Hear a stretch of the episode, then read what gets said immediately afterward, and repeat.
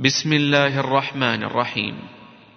يا أيها النبي إذا طلقتم النساء فطلقوهن لعدتهن فطلقوهن لعدتهن وأحصوا العدة واتقوا الله ربكم لا تخرجوهن من بيوتهن ولا يخرجن إلا ولا يخرجن إلا أن يأتين بفاحشة مبينة وتلك حدود الله ومن يتعد حدود الله فقد ظلم نفسه لا تدري لعل الله يحدث بعد ذلك أمرا فإذا بلغن أجلهن فأمسكوهن بمعروف أو فارقوهن بمعروف وأشهدوا ذوي عدل منكم وأقيموا الشهادة لله ذلكم يوعظ به من كان يؤمن بالله واليوم الآخر. ومن يتق الله يجعل له مخرجا ويرزقه من حيث لا يحتسب. ومن يتوكل على الله فهو حسبه.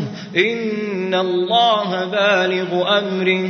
قد جعل الله لكل شيء قدرا. واللائي يئسن من المحيض من نسائكم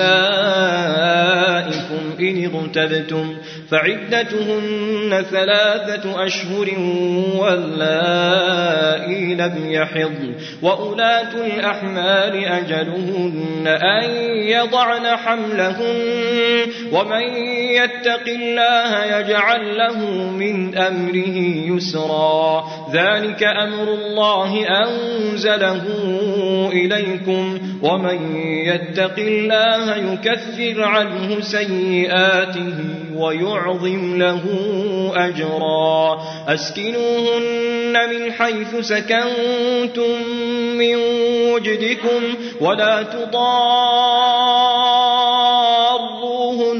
لتضيقوا عليهن وإن كن أولات حمل فأنفقوا عليهن حتى يضعن حملهن فإن أرضعن لكم فآتوهن أجورهن وأتمروا بينكم بمعروف وإن تعاسرتم فسترضع له أخرى لينفق ذو سعة من سعته ومن قدر عليه رزقه فلينفق مما آتاه الله. لا يكلف الله نفسا إلا ما آتاها. سيجعل الله بعد عسر يسرا. وكأي من قرية عتت عن أمر ربها ورسله فحاسبناها حسابا شديدا وعذبناها عذابا نكرا فذاقت وبال أمرها وكان عاقبة أمرها خسرا أعد الله لهم عذابا شديدا فاتقوا الله يا الألباب الذين آمنوا قد أنزل الله إليكم ذكرا.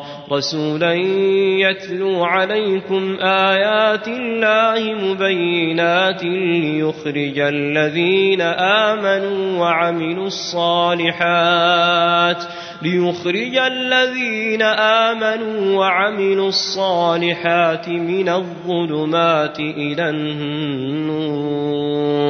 ومن يؤمن بالله ويعمل صالحا يدخله جنات يدخله جنات تجري من تحتها الأنهار.